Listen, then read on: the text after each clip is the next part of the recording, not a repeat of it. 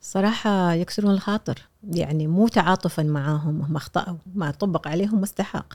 لكن لما يقول لي واحد منهم مثلا أنا تمنيت هالأموال اللي خسرتها أسوي مشروع حق أحد أبنائي. وهو الحين ما يقدر يعمل هذا الشيء. كان وقتها يلعب بالملايين. زيد المطوع يقول لي يعني أنا لو ترجع فيني الدنيا ما أترك بيت الزين أبدا. حتى أنت تصدق عزيز تقي يعني يمكن مو تعاطفا معاه بس إنه هو قاعد في الغربة ومو قادر يرد يرجع بلده وعايش هناك بروحه. يمكن هو سعيد أنا ما أدري بس لما شفت حالته أنا وزوجي لا. مو هذا الوضع اللي الواحد يتمنى أنه ينهي حياته عليها. وفي من تجاوز هذه المرحلة وبالنسبة له صفحة وانطوت؟ أحمد الكندري أحمد المناخ لحن يضحك.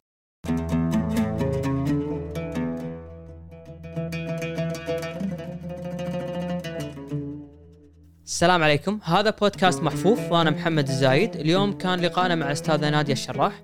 إيه، كان حوارنا عن الكتاب صدر لها مؤخرا بعنوان مناخ 82 إيه، لخصت فيه أزمة المناخ واللي صارت. ما خذينا الموضوع من جانب مالي كثر ما تجربتها في مقابلتها لفرسان المناخ في ذيك الفترة. قابلت العديد من الشخصيات البارزة واللي كان لها دور كبير في ذيك الفترة. فحبينا نعرف شنو وضع هذول الفرسان بأيامنا هذه. إيه، شنو أفكارهم شنو ذكرياتهم عن الأشياء اللي صارت فيهم؟ ليش يحسون بأن هم شخصيات مظلومة؟ إيه، تناولنا العديد من القصص إيه، اللي صارت في أيام أزمة المناخ. أتمنى تستمتعون بهذه الحلقة. خلصنا التسع سنين طلبوني مؤسسة البترول. كان وقتها المفروض أكمل دراستي. عندي حتى كان قبول بالجامعة الأمريكية في القاهرة. ال advisor مالي مصري أمريكي عايش في فلوريدا. فدقيت له قلت له دكتور يعني offer من مؤسسة البترول شو أسوي؟ قال لي روحي لانك أنت مشتغلة في البحوث الماستر ما بتضيف لك. روحي أنت قطاع النفطي هاي قطاع يعني مجال جديد. خذيه كونك اقتصادية. فرحت ورحت وعندي هذا القلق ان لما ترتفع أسعار النفط الناس يبتدي عندها هوس تصير أزمات. فكله ما ودي يرتفع أسعار النفط. الناس يبون معاش أزيد. عرفت اللي كله عنده تجوري وخايف عليه. دائما شايله هم البلد من هالناحية. بس هذا اللي يصير معنا الحين مو شيء حديث إنه متى ما شفنا أسعار النفط تبدي الناس تبي تبي تبي من عمر الدنيا يعني. إيه من أول من أيام المناخ من السبعينات. الأزمة الأولى اللي صارت في 76 كانت سببها أن ارتفعت أسعار النفط بعد الحرب حرب السبعينات. آه، فالناس استانست. فعندنا هاي يعني المشكلة من الأول. خلصت أنا من مؤسسة البترول آه، تقاعدت. بعدين صرت مستشارة في هيئة أسواق المال. قريت كل كتب الأزمات بالعالم. وأنا أقرأ أقول يا الله شنو جمال التوثيق. ومعلومات أنت بس تنتقي المصدر متوفر في كل مكان وكل من يكتب عنه. خصوصا إذا أزمة عالمية. وإحنا أزمة عالمية قياسا إلى الاقتصاد الكويتي. تعتبر من أكبر الأزمات قياسا للاقتصاد الكويتي هي أزمة المناخ. أزمة المناخ لأن 27 مليار دينار كان وقتها خمس أضعاف إحنا ما ننتجه من الاقتصاد. يعني 100 مليار دولار. 100 مليار دولار. ذاكرتي أنا هاي في المقدمة. فأول شيء سويته بعد ما خلص عقدي مع هيئة أسواق المال في 2016 بديت أقرأ. رجعت قريت الكتب اللي أنت كنت أقراها عن أزمات المال العالمية موجودة هوامشها هني. رحت جمعت كل شيء كان ينكتب عن أزمة المناخ ملفات لقيتها عند صديقة كانت عندها هاي بعد الاهتمام. الفترة اللي ناقص ناقصة كانت مفقودة ست شهور رحت القبس كلمت أبو غازي ما قصر. كملوها لي فحتى وديت لهم نسخة إهداء. ورحت مكتبة البنك مكتبة بريطانيا مكتبة لندن. قعدت شفت إن حتى في أشياء كان وول ستريت تتكلم عن أيام الهوس وبعدين تكلمت عن المناخ. وشفت أسماء شخصيات الفيلم ما غطاها الفيلم اليتيم هذا اللي ما ندري شنو صار عليه. م. شخصيات تستحق إنك أنت تاخذ تلقى اسم هني بحريني وكيل وزاره التجارة أسافر للبحرين. يا جماعة من يعرفه؟ من يسوي لي موعد؟ هو النصف ولا؟ حسن النصف.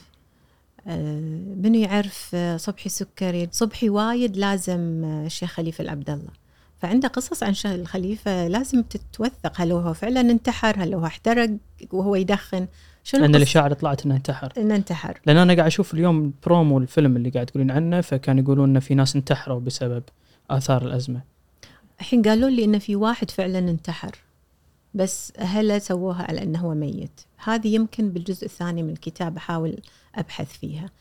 بس صبحي يقول أنه هو ما انتحر. عن الشيخ خليفة. عن الشيخ اللي يقول أنه حاول يولع الجقاره مالته وما يعرف لأن الصبي كان مو موجود رايح بقالة.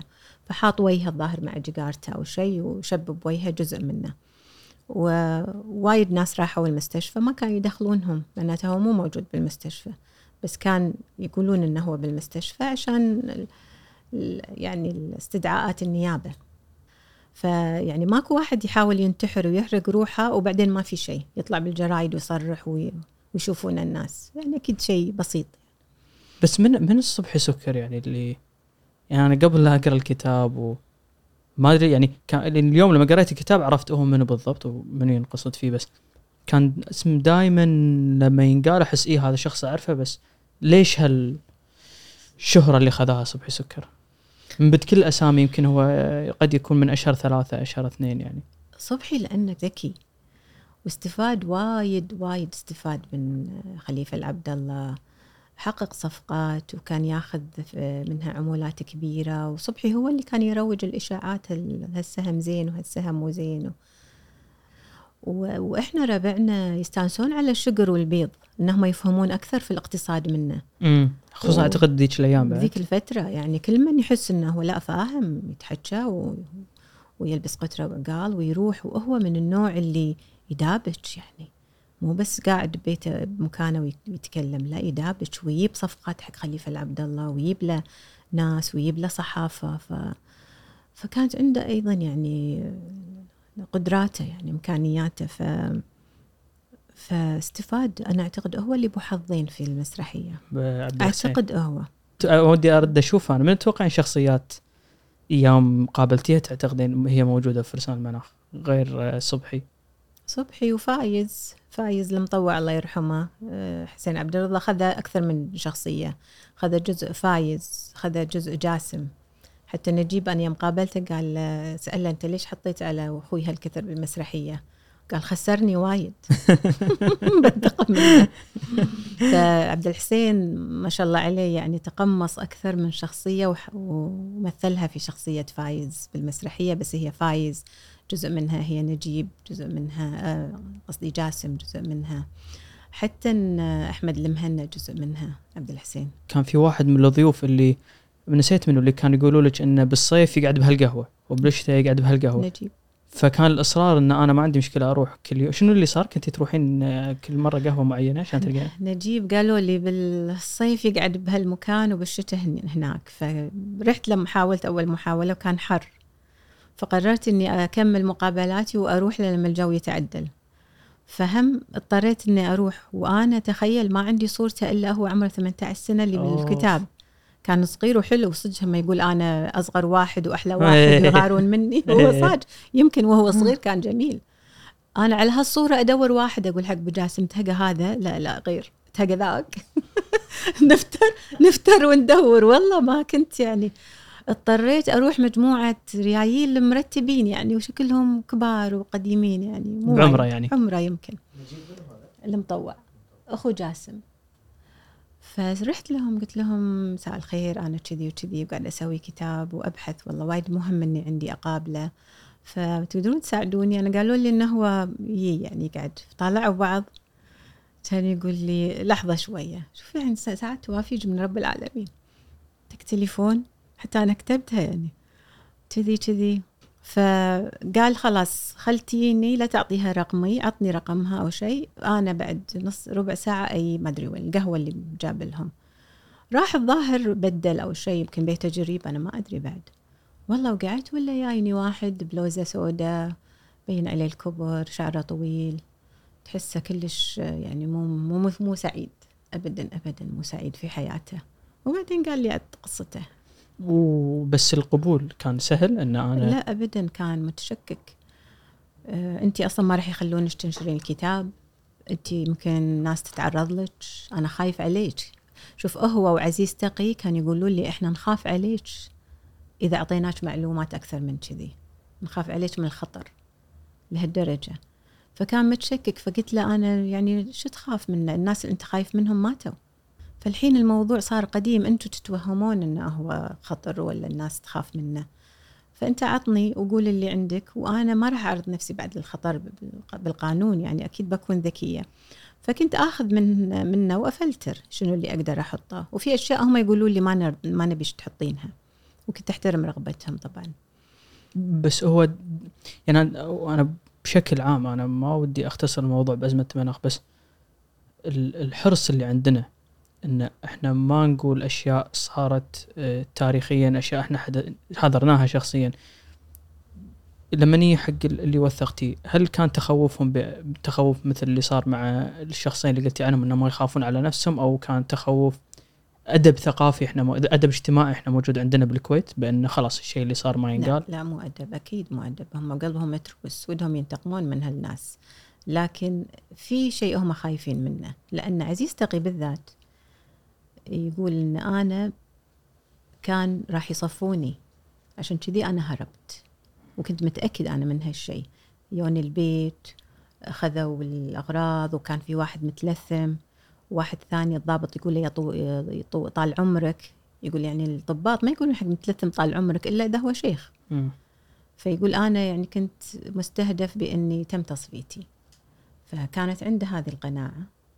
ولما ما يقول لي ما يبي يقول لي مو لأن يعني شو أقول لك؟ مو لأنه هو مؤدب وما يبي بس في خوف. لليوم موجود. في خوف لدرجة أنه ما يبي الكويت للحين. م.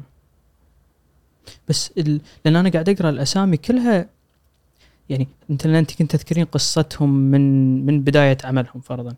آه أغلبهم إذا مو كلهم جاي من بدايات متواضعة يعني مو اللي ورثوا فلوس أو جاي من عائلات تجارية يعني كبيرة صح؟ صح صح وفي ناس بدوا يعني عمل حقيقي وفي ناس دارسين.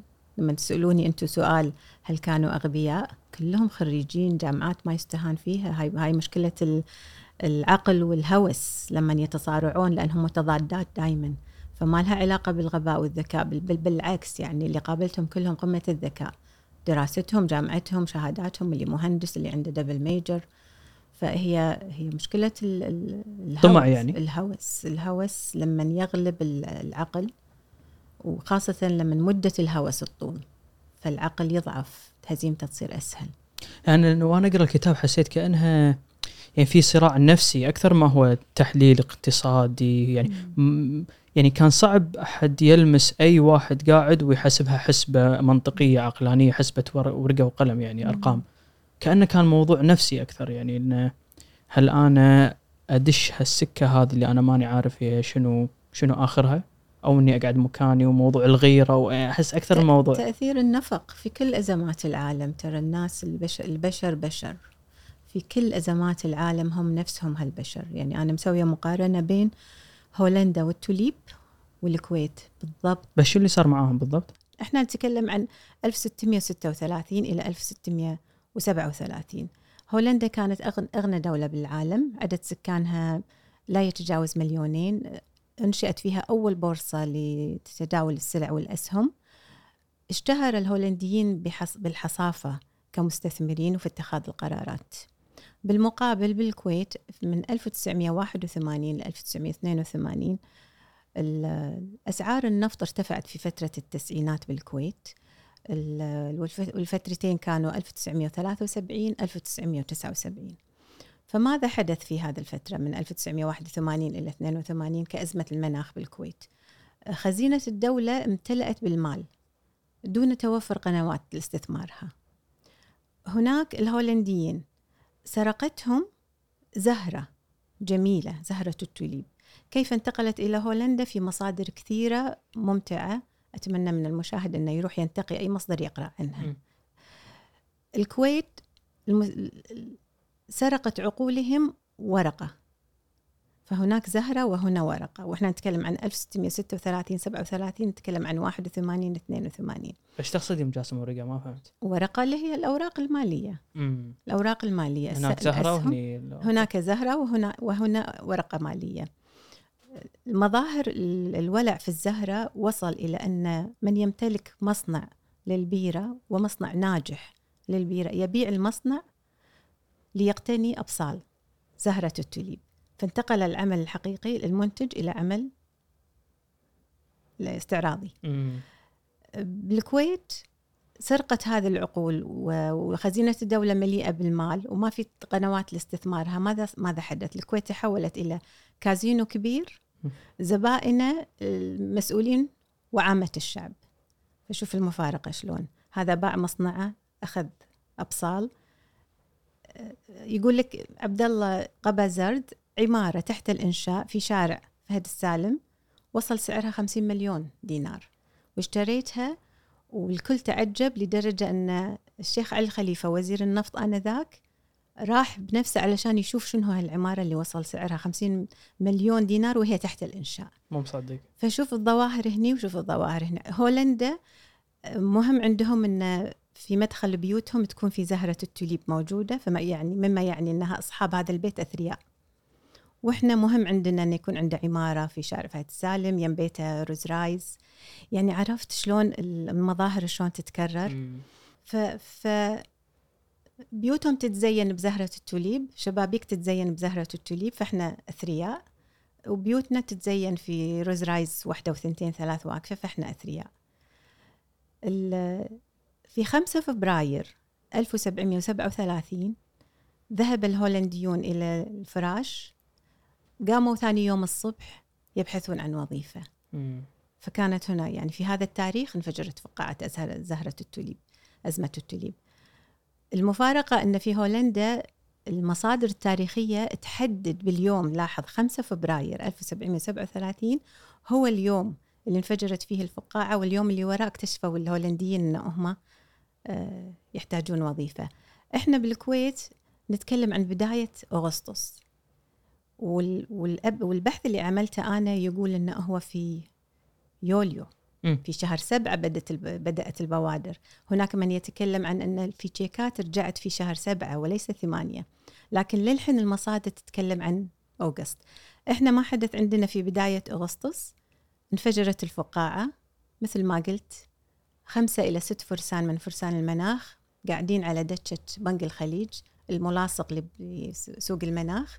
يندبون حظهم واحد منهم كان يبكي بصوت مرتفع وبحرقة مم. وأعرف اسمه بس ما أقدر أقول منه هو مم. واحد عنده مصنع بيرة ناجح جدا يبيعه عشان يحصل مقابلة أبصال من زهرة التوليب. إحنا آه، عبد الله قبزرد مهندس ناجح، صباح الرئيس مهندس ناجح، عبد العزيز الحمدان يعني لو ما أعطينا تخطيط دولة الكويت كان إحنا اليوم شوف شنو آه، الكويت صارت، كلهم عندهم تجارة أصلية أو أو مهنة شو من شهادة جامعية تركوها. مشاري الجاسم عنده إيراد وتصدير أول واحد جاب المكيفات بالكويت. زيد المطوع كان عنده محلات أثاث يجيبها من ميلانو. كلهم كان في عندهم اللي كان عمل. عنده هيونداي ولا؟ كان عنده محمد الإبراهيم كلهم كان عندهم عمل. عمل حقيقي. هذا الاقتصاد الحقيقي تركوه وراحوا حق الأوراق. لأن بالنسبة لي أنا قاعد أسوي هالجهد وأطلع عشر اللي قاعد يطلعونه هم بالسنة. هذا هذا الهوس. بس لو هو لو صابر على روحه كان ما كان ما صار معاهم. كان صار من الناس اللي ما دخلوا وحافظ على تجارته كان هو اليوم أغنى من الآخرين. بس ما صبروا لأن تأثير النفق. شفت هذا طلع قبلي؟ بيوصل قبلي أنا. فأهد السايدة مالي أروح سايدة. نفس اللي يصير معانا بالشارع بس مروا عليك شخصيات كان عنده القدرة إنه يدش سوق المناخ كان مقتنع إنه لا هذه فيها إشكالية أنا أخاف من اللي قاعد يصير عندهم. هي أنا حاطة الجزء الأخير المحذرون عبد الله الأيوب عبد الله القبندي يعني هذول من الشخصيات اللي بكل سهولة كان ممكن يدخلون.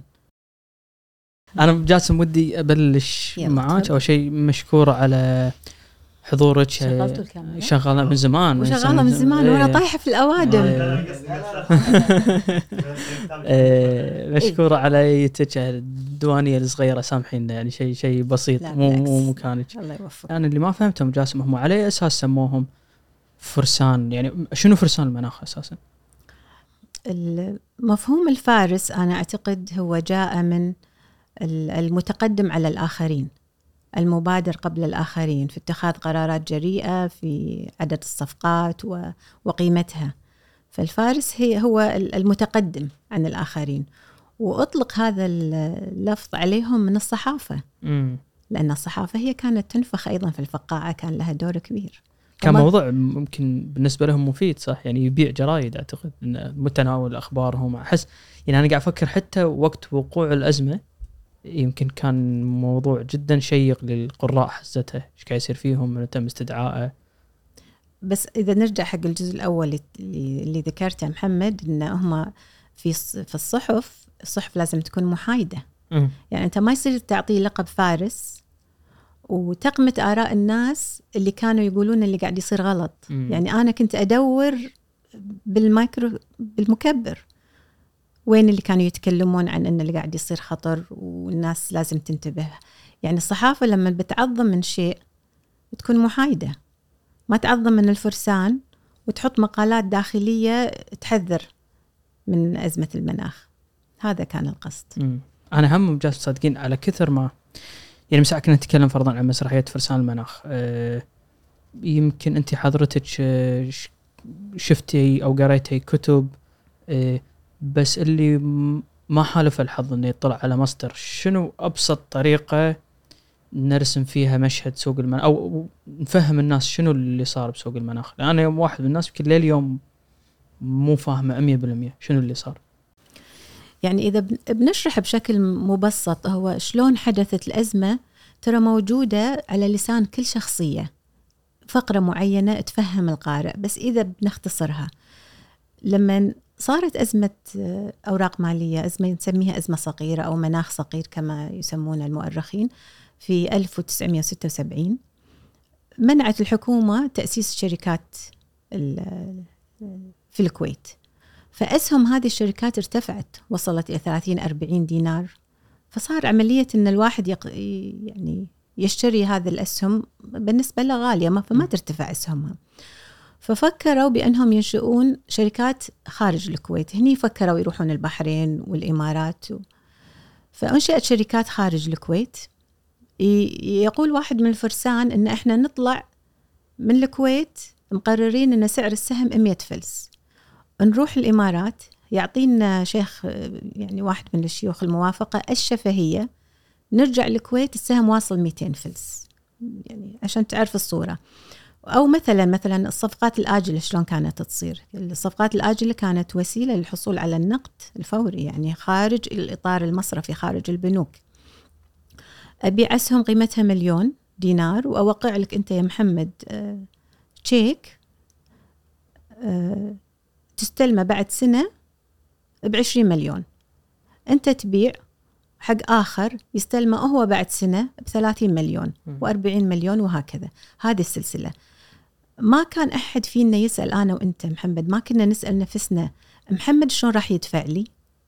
والأخير إذا ما دفع شلون محمد راح يدفع لي؟ هذا ما كان أحد يسأل السؤال فلذلك هي كانت سلسلة يعني واحد يطيح أو. سبحة. فلما تنفرط كل الخرز يروح.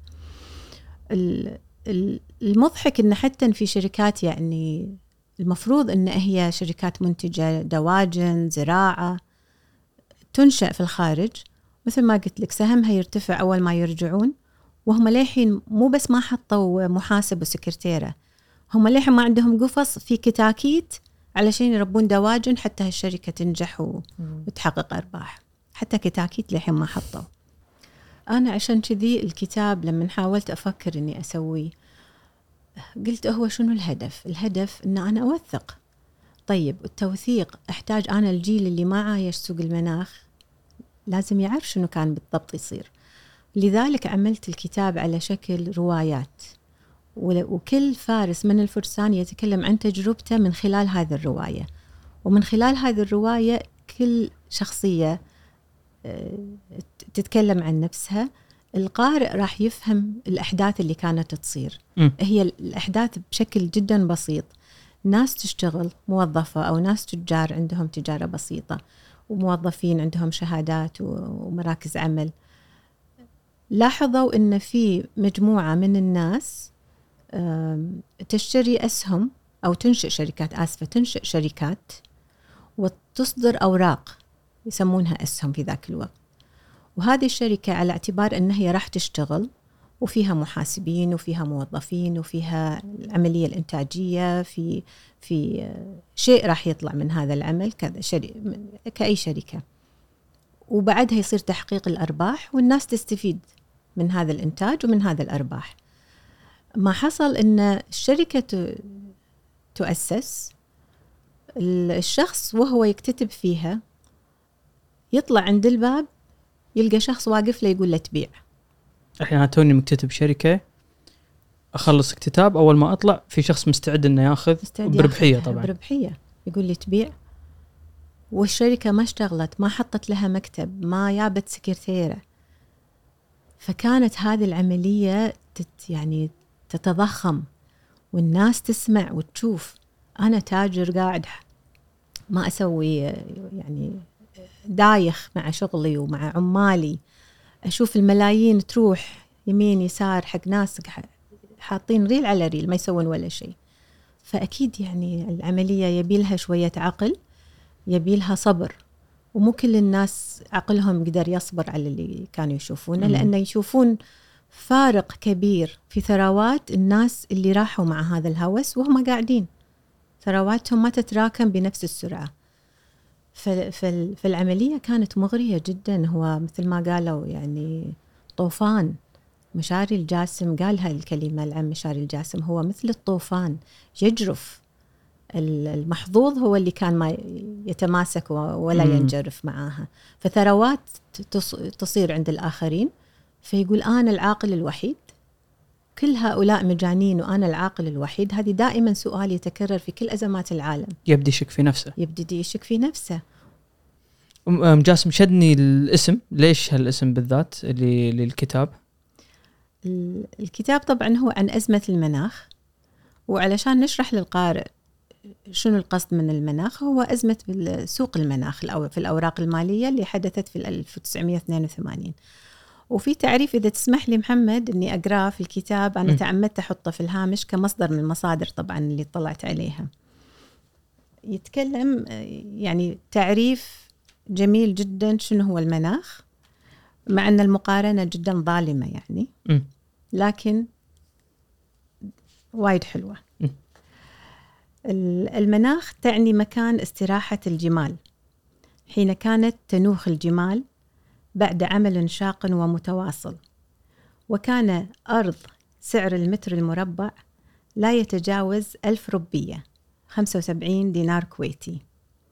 ودار الزمن لكي تكون الأشياء الوحيدة التي ترتاح في سوق المناخ هي السيارات مم. والفارهة بالتحديد. ودار الزمن ليباع المتر المربع فيه مكتب لا تزيد مساحته على 16 متر مربع ب 15 مليون دينار ثم تحول سوق المناخ إلى مكان لراحة الراغبين في الثراء السريع. حتى وصلت الأمور إلى أن تنوخ فيه الشيكات المرتدة من البنوك. مصدر هذا الكلام طبعا السيد علي حسن الحمدان في كتاب عن الكويت وأزمة المناخ عرض شامل للأزمة من الناحية القانونية والاقتصادية والاجتماعية وصد الأزمة عالميا صدر الكتاب في الكويت عام 1984 والفقرة موجودة في صفحة 39 فشرح ومن هني استعرت شرح جميل. البعير صح؟ يعني من هني ال- الأساس لأنها كانت من منطقة تجارية. تنوخ فيه الجمال محملة بالبضائع. مو أقول لك ظالمة مم. كان في اقتصاد وعمل حقيقي منتج. تحول إلى عمل ورقي بس هم ذكرتي أم جاسم وايد موضوع الآجل آجل آجل أنا هذا ما, ما فهمت شنو اللي كان يصير بالضبط إنه أنا أدفع فلوس وما استلمهم إلا بعدين ولا شنو اللي يصير بالضبط؟ هي عملية البيع بالآجل كانت تتم يعني ذاكرها العم مشاري الجاسم في الجزء اللي يخصه آه، كانت تتم بشكل آه، متحفظ يعني مثلا آه، أشتري أسهم و- وأ- وأسدد قيمتها آجلا مو- وليس حالا. التسديد قيمتها يكون مقابل نسبة معينة. فكانت هذه النسب بسيطة 3% 4% أو أني أبيع أيضا آجل ومن سيشتري مني يعطيني فايدة 3 إلى 4% لأن أنا وافقت أني أأجل استلام حقي للأموال في نفس الوقت. م. فعملية الآجل هي موجودة في كل مكان ترى في العالم يعني. وعلاقة ال- الحكومة الأجهزة الرقابية بكل اللي قاعد يصير هذا. كان في أي أي علاقة أساسا موجودة يعني؟ ال- الأجهزة الحكومية تراخت لأنها كانت تشوف الناس شنو تسوي ومع هذا ما منعت أحد. فكان في تراخي واضح من الأجهزة الحكومية. ومثل ما يقولون في في الكتب التاريخية عن أزمات العالم لما تشوف الناس سعيدة صعب إنك تقول لهم اللي قاعد تسوونه غلط. لأن قاعد يعني أنت بأكثر من من جزئية في الكتاب ذكرتي شلون كانت الحكومة. يعني أول شيء كانت آه، ما قاعد ما قاعد تعلق على اللي قاعد يصير. بعدين صار الموضوع مثل مباركة. بعدين صار الموضوع كأنه يعني مباركة صارت يوم الشيخ سعد يمكن زار يعني هذه هذه القصة شنو شنو دلالتها انه لما زار سوق المناخ؟ زيارة الشيخ سعد العبد الله رئيس الحكومة الله يرحمه يا رب لسوق المناخ. كان في قبلها كان في تراخي من الناس أو من المستثمرين. يعني واحدة من القصص من الشخصيات اللي موجودة في الكتاب السيد عبد العزيز الحمدان. كان يقول وهو إنسان ذكي يعني يقول مو معقولة هذه الأرباح في شيء غلط قاعد يصير. فيقول بدأ العقل شوية يتغلب على الهوس في ذاك الوقت. فبديت أبيع لأن قمت أخاف أن في شيء مو طبيعي قاعد يصير بالسوق. لكن زيارة الشيخ سعد للسوق آه، عززت هذا يعني آه، قدمت دعم كبير لتعزيز الأسعار بارتفاعها. وهذا الشيء ترى مو غريب يعني يقعون فيه أذكى العقول. يعني إسحاق نيوتن وكلنا نعرف منه إسحاق نيوتن صارت معاه نفس المشكلة. لذلك أنا أقول لك الأزمات تتكرر باختلاف البشر على مدى السنين. إسحاق نيوتن أيضا كان مستثمر في السوق البريطاني وفي فترة من الفترات يا له هذا الشعور أن أنا لازم أبيع لأن في ارتفاع مو طبيعي. طبيعي. وباع وربح 100% على رأس مال اللي حطه. لما استمرت حالة الهوس قال معقولة أنا المجنون أو أنا العاقل الوحيد وكلهم مجانين؟ ردش رد دخل وخسر كل ثروته.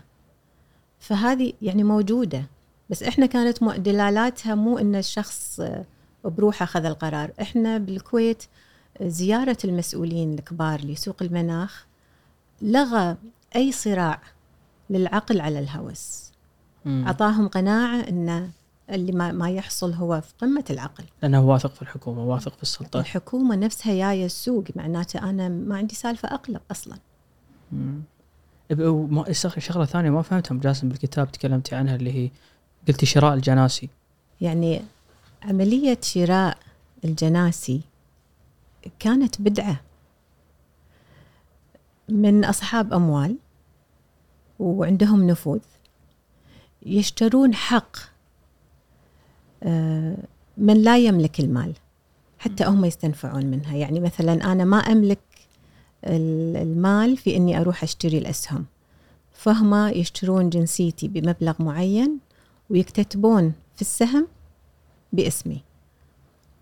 ف ف- ففي نفع من من الطرفين يعني صاحب المال ينتفع لأنه يحصل على كمية أكبر من الأسهم و- والشخص اللي باع جنسيته أيضا ينتفع لأنه يحصل. لكن القسمة. القسمة بعيدة عن العدالة. بس لأنه هو ما عنده رأس المال الكافي إنه بس لأنه هو ما عنده رأس مال. صار استغلال. واستغلال لأنها تكون لصالح النافذ والمليء. مم. وهي صورة من صور الهوس على فكرة يعني والجشع. وهي من من الصفات ال- ال- البشر يعني في كل زمان ومكان. أنا تصدقين جاسم أذكر يعني يعني وأنا قاعد أقرأ قاعد أشوف ال... الكبرياء اللي هم وصلوا له. وحلو يعني أنا استانست إنهم كانوا يعترفون بهذا المرحلة اللي كانوا واصلين لها. يعني أعتقد آه، كنا محمد الإبراهيم لما كان يتكلم انه استدعوهم مرة انه يقعدون مع الوزراء. لأن آه، نسبة الأرباح مو طبيعية. يعني هم الآن يتحدثون عن نفسهم شلون كان الغرور ماخذهم. في في حادثتين ممكن أنا أذكرها في حوادث كثيرة طبعا في الكتاب. في حادثتين يتحدث آه، زيد المطوع. يقول إحنا في ذاك الزمن كنا نعتقد أن إحنا أعضاء مجلس إدارة جيس منهاتن ولا واحدة من هالمؤسسات المالية العالمية الكبيرة. نروح الصبح بطيارة خاصة ننشئ شركة ونرجع نفس اليوم. ولازم نرجع نفس اليوم لأن إحنا مهمين عندنا شغل يعني ما نقدر نرجع ثاني يوم. فهم كانوا عايشين هذا يعني هذا النوع من الحياة. محمد الإبراهيم مثلا يقول لما دعت دعونا مجلس الوزراء لاجتماع لأن في ذاك الوقت هم إيش كانوا يسوون؟ فرسان المناخ. هم يعني آه، أوقع تشيك حق محمد إن أبيعك مثلا أسهم 10 مليون وأعطيك تشيك مؤجل بعد سنة 20 مليون. م. وبعدين مثلا أنت تبيعه على آخر ب 30 مليون وآخر يبيعه على آخر ب 50 مليون. فهذه نسب نسب الأرباح على الصفقات الآجلة زادت من 50 إلى 60 صارت 150 وصارت 200% فمجلس الوزراء داعيهم عشان يترجاهم. ينزلون النسبة إلى 20% أنت متخيل؟ كانت واصلة 200% فهم يبي يتكلم وياهم إن على الأقل نزلوا النسبة يعني مو اللي قاعد تسوونه خطأ لا بس نزلوا النسبة. فيقول محمد الإبراهيم إحنا قلنا حق مشاري الجاسم إحنا نروح نقابل موظفين دولة يستلمون رواتبهم الحكومة؟ مستحيل. حاشتهم نشوة يعني هو حاشتهم نشوة مو طبيعية وهذه هذا مظهرين. وفي مظهر ثالث موجود أيضا في الكتاب. يعني أفضل قارئ يقرأ. هو نفسه جاسم اللي كانت عنده قصة مع بنك الخليج بعد هم رفض ان السيد محمد الإبراهيم أيضا يعني من قصصه أي أيضا انه راح مرة بنك الخليج استدعوه قالوا له المدير وده يقابلك فراح قعد وياهم وقالوا له إحنا مستعدين نعطيك قرض بالمبلغ اللي أنت تحدده. شوف كم مليون تحتاج. يقول شعرت بالعصبية. يعني أنا عندي فلوس أكثر منكم وقتها. وراني الكشوف يعني عنده كشوف راح تنزل في الجزء الثاني. أرصدته يقول أنا عندي أرصدة أكثر من اللي يملكها البنك. أنتم تعطوني قروض أنا أسلفكم وأنتم اللي تسلفوني. بس هذا مجاسم نرجع حق نقطة رئيسية. المبالغ اللي كانت عندهم ذيك الحزة هو ما كان ما كانت كاش صح؟ يعني كانت ورق كاش كاش. كاش. مبالغ اللي في البنوك اللي وراني إياها عزيز تقي محمد الإبراهيم يعني احترام لكل الالقاب عزيز تقي محمد الإبراهيم زيد المطوع محمد أحمد الكندري. أحمد الكندري كان عنده قصة يقول يدخل بحسابي مبالغ يومية. يعني أنا ما صدقت إن عندي هالمبلغ. رحت البنك وقلت لهم أبي أسحب مليون. وخذوا مني يومين قالوا لي ما نقدر نوفر لك المليون أو خمسة مليون آسفة. قالوا له ما نقدر نوفرهم لك حالا انطر علينا. يعني يومين يقول عشان أتأكد إن فعلا أنا عندي خمسة مليون إيه ولا هي بس بالورق. بس كان يبي يسحبهم بس كذي عشان يطمن. يطمئن ان عنده هالمبلغ. فكانت تدخل في مبالغ كبيرة في حساباتهم هذه كاش يعني دائما أذكر نفسي إن إحنا ترى قاعد نسولف عنه اشياء قاعد تصير بالسبعينات يعني. يعني 5 مليون بذيك الفترة. مو مبلغ صغير مو مبلغ سهل ابدا. فيقول لك إحنا نتغير. لأن أنا لما يصير عندي مليون شخص آخر عن لما يكون عندي خمسة مليون. وشخص آخر لما يصير عندي خمسين مليون. مم. يعني أنا أكون شخص مختلف عن اللي كان يملك مليون. إحنا نتغير.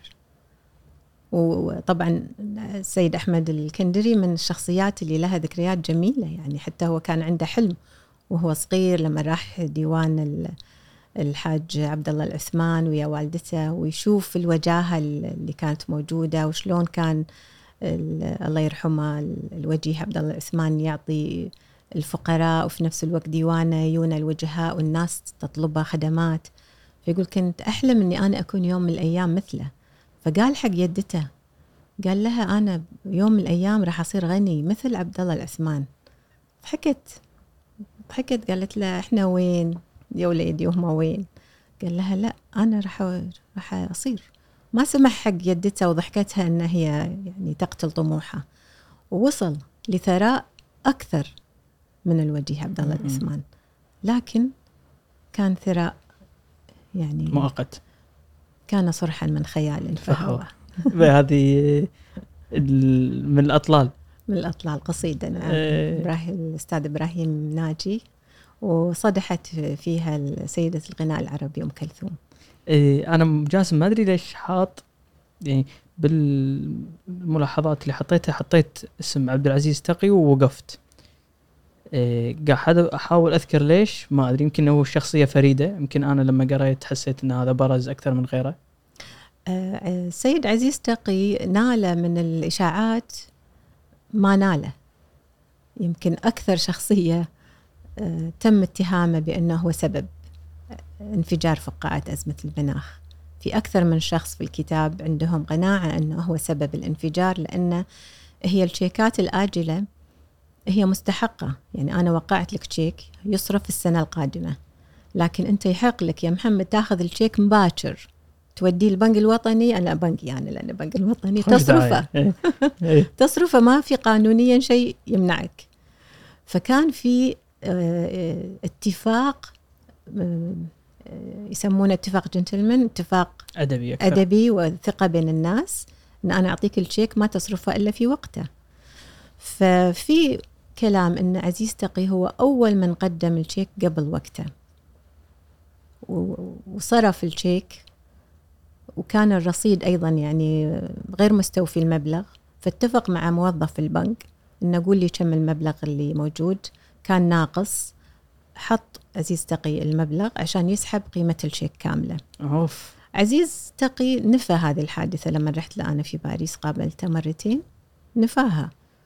وعنده طبعا ما ما يفند مبرراته موجودة في الكتاب. بس ليش مثل هالشخصيات؟ مثل شخصية عبد العزيز تقي إحنا نتكلم عن مرور تقريبا 40 سنة على الأزمة. نعم. لحد اليوم هو سبب عدم وجوده بالكويت يعود لهذه الأزمة. في أسباب ثانية بس لهالدرجة ممكن مأثره على حياة ناس معينة لحد اليوم؟ عزيز تقي من الناس اللي وايد صارت له تداعيات أه، سلبية يعني بعد أزمة المناخ، اتهامه بأنه هو سبب الانفجار الفقاعة، أه، اتهامه بأن أنت لازم ترجع علشان رجوعك هو اللي راح يخفف من حدة الأزمة لأن أنت عندك مثلا كاش فتقدر تنقذ وهذه قصص موجودة يعني في الكتاب. اللي صار له بأنه افتحوا بيته عنوة وهو مو موجود صادروا كل اللي موجود في البيت حتى صوره الشخصية كانت عنده صور جميلة حسب كلامه فيها ذكريات جميلة كلها أخذت ما, ما يعرف ليش المبررات. الصندوقة في في البنك اللي كان في حسابه تم كسره من غير موافقته من غير وجود محامي. فهذه أعطاه شعور أنه مستهدف حتى في التصفية الجسدية. وهذا الكلام هو قاله. فلذلك هو قرر إنه يعيش طول عمره في فرنسا وهو مرتاح هناك يعني. شخصيته وطبيعة حياته اللي يعيشها وثقافته يعتقد أن هذا البلد يعني هو المكان المريح في أنه ينهي حياته فيه. وتكرر أم جاسم موضوع يعني أعتقد كل الفرسان كانوا يذكرون بأن واللي قابلتيهم بالكتاب أن هم كبش فدة. إيه. نقدر أنا ودي نوضح وجهة نظرهم ليش هم يحسون بهالشيء وإذا أنت توافقينهم بعد كل البحوثات اللي عملتيها. شوف أخوي محمد هي صفة إن إحنا كبش فداء كفرسان المناخ آه، يمكن تكون صحيحة لو نظرنا إلى معاملة شركاء لهم. وايد فرسان اشتغلوا في سوق المناخ وايد فرسان تعاملوا في سوق المناخ بس في مجموعة معينة تحس إنها كبش فداء ليش؟ لأن الآخرين اللي مثلهم مو بس لم يعاقبوا لكنهم استفادوا. يعني بمعنى؟ انت يعني أنت عندك مثلا 25 فارس مثلا. 20 منهم اللي وقع عليهم العقوبات وال أموالهم حجزت وتم تطبيق عليهم أحكام هيئة التحكيم ومؤسسة التسويات وخمسة آخرين لا وهم متعاملين كبار.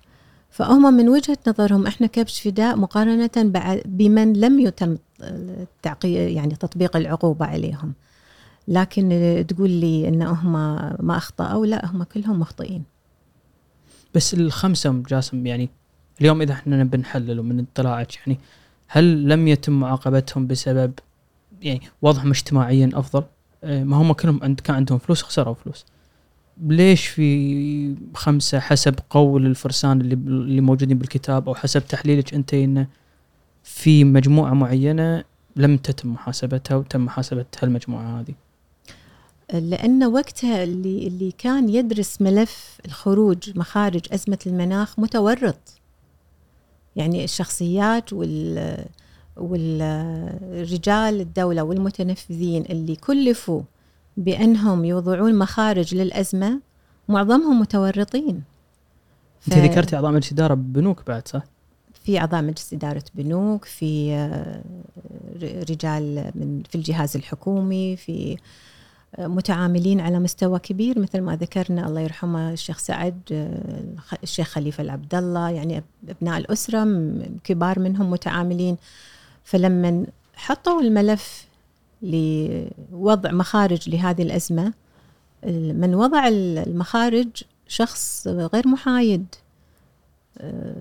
غير محايد يعني يا أما هو متورط يا أما هو محسوب على قطب يا أما هو آه، منسوب للسلطة نفسها وهناك حرج من من رئيس الحكومة. ف فما خذينا الملف وأعطيناه لجهات عالمية محايدة وقلنا لهم تعالوا يا جماعة الخير إحنا عندنا مشكلة. شوفوا شلون نطلع منها بأقل الخسائر. وكان هذا الوضع الطبيعي. ما يصير أنا أقول حق اللي مسبب الأزمة تعال لي حل تعال حلها لي. يعني في فرسان بدون ذكر أسماء تم الاتصال فيهم وإرسال طائرات خاصة لهم.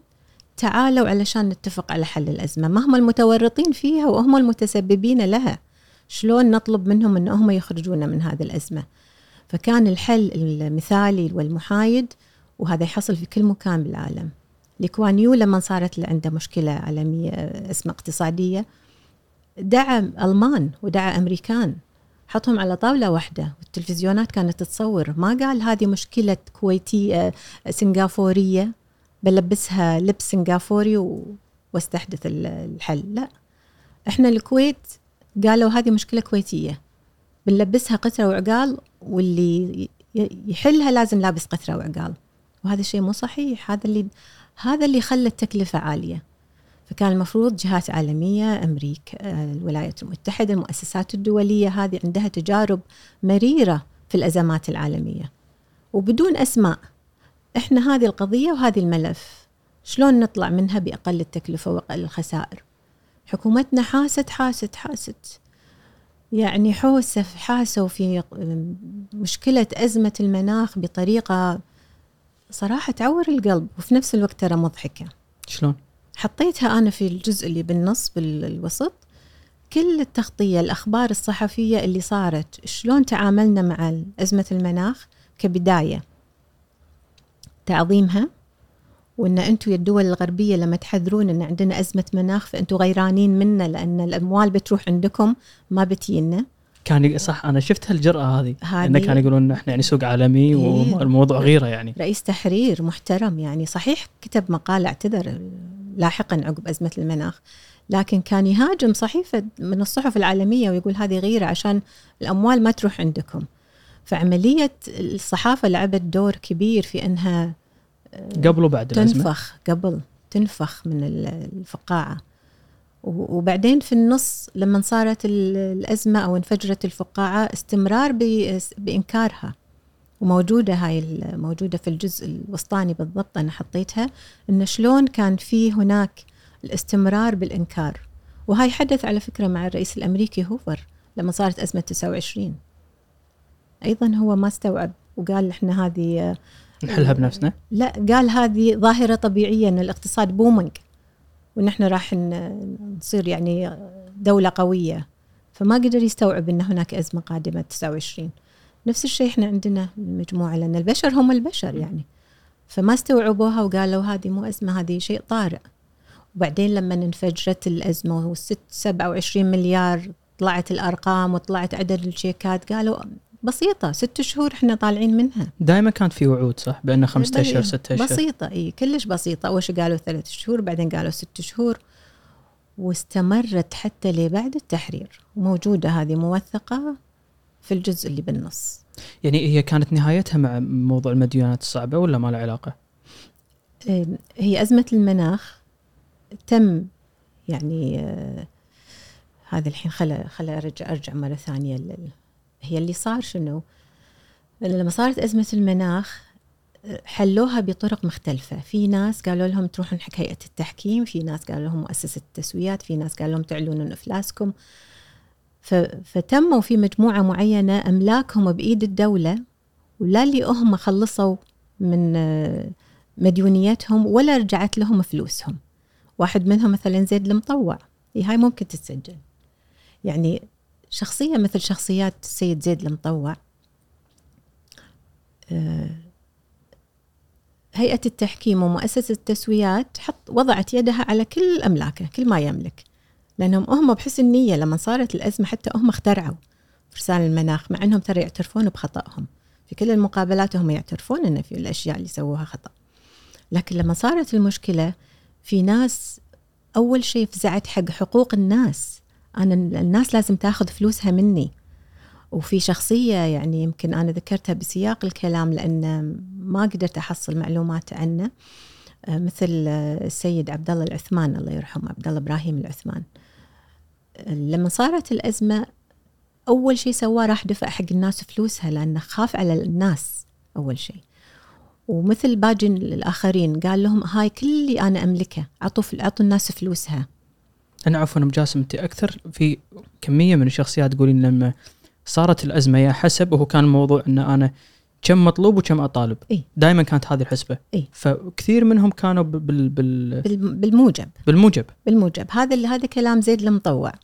وهذا طبعا هم عبد الله إبراهيم العثمان. هذا نفس الكلام عبد العزيز الحمدان اللي عنوانه يا جبل ما يهزك ريح. أنا ما عندي مشكلة. أنا أملك كل هذا.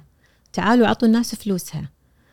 فاللي صار انه واحد مثل عبد الله العثمان فوق إنه هو يعني حجزوا على كل أملاكه كانت في وشاية تطلع عليهم إنه هو دافن فلوسه تحت الأرض تحت النخيل في مدخل بيته. فراحوا وحفروا في بيته تحت النخل ما لقوا شيء. الرجل الصبح ما ما صحى مات. أزمة قلبية لأنه شاف الناس شلون قاعد يحلون مشاكلهم وهم على إنهم دفعوا وقالوا حق الحكومة هذا اللي نملكه هم بعد في وشايات علينا ويفتشون بيوتنا ويروحون حق تحت تحت النخل يدورون يدورون فلوس وما لقوا شيء. فزيد المطوع أيضا من الناس اللي انظلموا وقال لهم أنتم الحين أخذتوا كل شيء حطيتوا وضعتوا يدكم على كل أملاكي. طيب أنا الحين لي كم مليون؟ أنتم هالكثر مديونيتي وأنا هالكثر اللي آه اللي عندي إمكانياتي. أعطوني اللي أنا اللي اللي أستحقه. لا أعطوا الفلوس ولا عطوه تخليص يعني إن أنت مو مطلوب.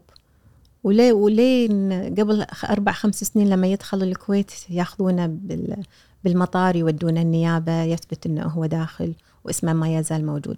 فلا راضين يشيلون اسمه من المطار ولا راضين يعطونا فلوسه لو هو يستحق. ولا يقولون له أنت ما تستحق لأن فلوسك كانت هالكثر وهذه راحت تسددت حق الناس. مشكلتهم إن هم على أخطائهم يعني. يمكن هذا الشيء الوحيد اللي الواحد يتفق فيه معاهم إن ما أعطوهم كشف حساب. أنتم تملكون قصر مثلا في فرنسا وتملكون شقة في في آه، أمريكا وتملكون اسطبل في دولة ما. وهذه كانت أسهمكم تسوى قبل الأزمة هذا المبلغ لكنها بعد الأزمة وصلت نزلت. يعني 60% من قيمتها. طيب قولوا لنا هذه نزلت القصر هذا وين راح؟ الاسطبل منو شراه. ليش بعدين نسمع إن بيوتنا و... و... وأملاكنا صارت فجأة حق ناس؟ فبدت الحكومة تتصرف فيهم بدون ما على الأقل تبلغ يبدو يبدو إن الحكومة تصرفت يبدو إن في ناس آه، الأوراق قدامهم عرفوا إن في أصول بتبتدي انباع تنباع فصارت في أولوية إنهم يشترونها قبل ال ال فحتى الحل صارت في صار فحتى في الحلول صارت في أشياء غامضة. تنفيع. غامضة وتنفيع. فلذلك هم يحسون إن هني إحنا الحين خلاص بدا يعني بدينا ننظلم مع إنهم هم مخطئين وهم يعترفون إنهم مخطئين. بس أم جاسم تكرر آه تكررت شغلة آه بأنهم كلهم كانوا شغلة ما فهمتها يقولون ان إحنا أخطأنا لما سلمنا كل أصولنا للدولة، يعني هل هذا موضوع كان طوعيا هم سووه؟ وشنو الإجراء اللي بالضبط؟ ما فهمت أنا. إي طبعا هم حسب كلامهم إن في شخصيات مقربة من السلطة. فيات اقترحت عليهم إن أعطونا كل الشيكات اللي عندكم وإحنا إن شاء الله نحاول نشوف لكم طريقة معينة إن ما تسجنون لأن هم بالنسبة لهم السجن هو المشكلة. م. شلون كان فارس يسافر في طائرات خاصة يروح الصبح ينشئ شركة ويرجع كأنهم أعضاء مجلس إدارة جس منهاتن ولا من المؤسسات المالية الكبيرة شلون يدش السجن؟ فكانت بالنسبة لهم جدا صعبة. لذلك هم استسلموا وقالوا هذا كل اللي نملك.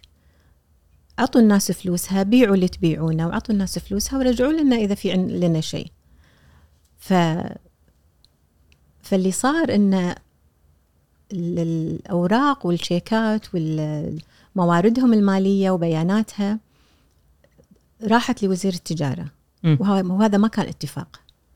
وزير التجارة بصفته رجل يعني دولة ويحترم القوانين حولها على هيئة التحكيم ومؤسسة التسويات حتى يأخذون الأمر بالاعتبار ويتصرفون لأن خلاص شلت يد, يد القضاء؟